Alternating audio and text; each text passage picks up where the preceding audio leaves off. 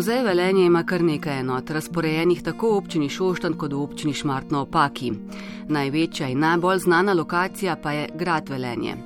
Ta je v svoji zgodovini pogosto menjal lastnike. Po drugi svetovni vojni so bila v njem stanovanja za rodarje in njihove družine. Konec 50-ih let prejšnjega stoletja pa je postal sedež muzeja slovenskih premogovnikov.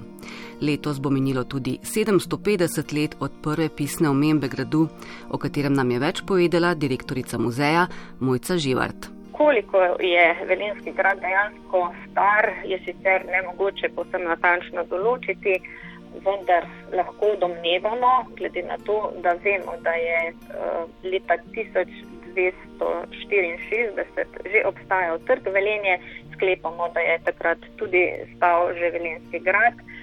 Namreč lega trga velenje je izrazito takšna, da lahko predvidevamo, da je nastal pod okriljem in zaščito grajske stavbe.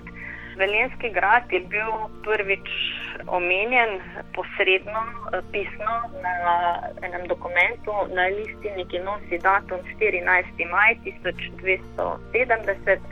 Ta dokument je nastal na gradu eh, Kunšperk, na njej pa je kot priča eh, zapisan Gunda Krvelenski, torej vemo, da gre za gospoda, ki je živel in delal v Velenju, ki je po vsej verjetnosti upravljal Velenski grad. In prav v maju, oziroma takrat, ko bo grad spet odprt, bo ta listina, kopija, ki so jo pridobili z Dunaja, predstavljena javnosti. Sicer pa ima muzej na ogled kar nekaj zanimivih razstav.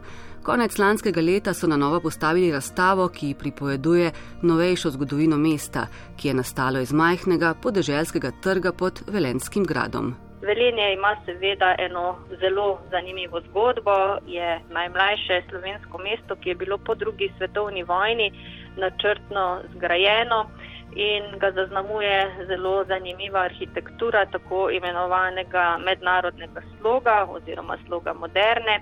No in zgodbo tega mesta, za katerega tudi radi rečemo, da je zraslo na premogu in so ga v času, ko je nastajalo, ko se je razvijalo in raslo v mesto, imenovali čudež. Zakaj tako, kaj to pomeni, eh, seveda izvedo obiskovalci, ki se ogledajo razstavo, ki smo jo tako tudi naslovili. Skratka, razstava nosi eh, naslov Mesto, ki so mu rekli čudež.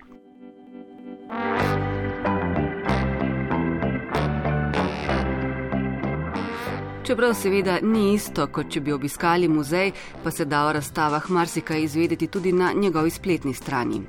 Tudi o zgodbi kiparja, profesorja in postolovca Františka Fojta, rojenega na Češkem, ki ga je življenje pripeljalo velenje. V muzeju je na ogled njegova zbirka predmetov, ki jih je zbral v 25 letih bivanja v Afriki in je edina takšna zbirka v Sloveniji. Morda omenim samo enega od tam razstavljenih eksponatov, ki je prav zagotovo nekaj posebnega. Gre za Ludkovno gledališče, ki ga je eh, František Fojt eh, našel na svoji poti, ko je spoznaval življenje različnih afriških plemen in velja za pravo redkost eh, v evropskih muzejih. Kot pravi direktorica muzeja Velenje Mojca Živart, obiskovalce navdušuje tudi tam predstavljena zgodba o mastodontih, daljnih sorodnikih današnjega slona, ki so po Šaleški dolini lomastili pred približno tremi milijoni let.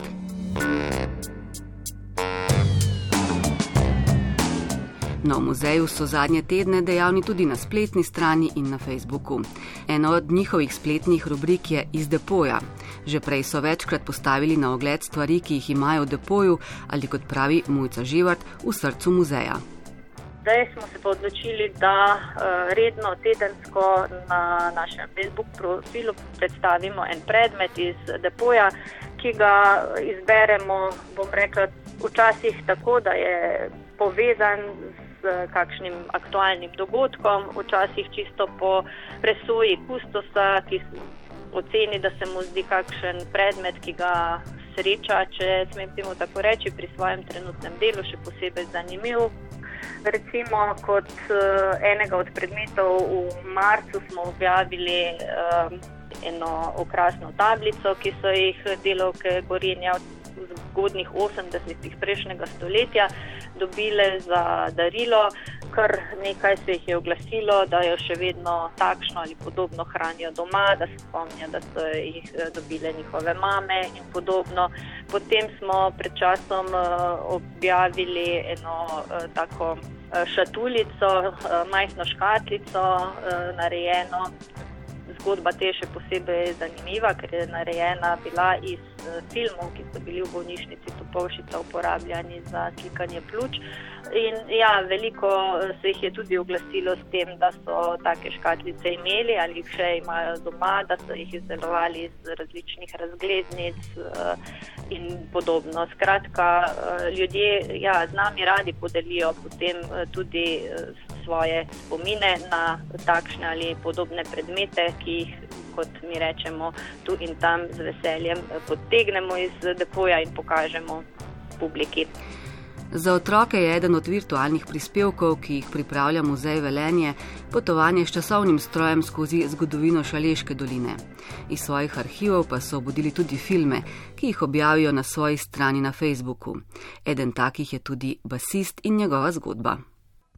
O ti preljuba, razmerska vas, kam si potonala? Kje so naše bogate nive, ki so nam dajale kruh? Vse je šlo pod vodo. Ne bi verjel, da je štelo družmirje no, za številko samo ta okrog 112 hišnih številk.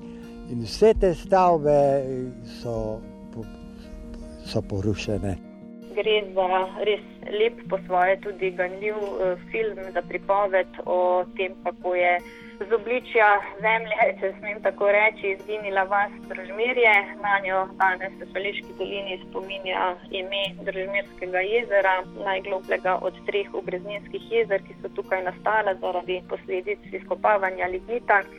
No, s temi tako imenovanimi potopljenimi vasmi Šališke doline pa se v našem muzeju tudi sicer kar precej ukvarjamo. Uh, pripravljamo razstave, uh, pripravljamo publikacije, uh, prispevke, takšne in drugačne, in s tem obujamo spomin na podobo, kakršno je Šališka dolina imela včasih, in seveda ohranjamo spomin na vse to, kar je konec koncev naša dolina eh, tudi žrtvovala eh, za to, da se naša država eh, lahko oskrbuje s električno mhm. energijo.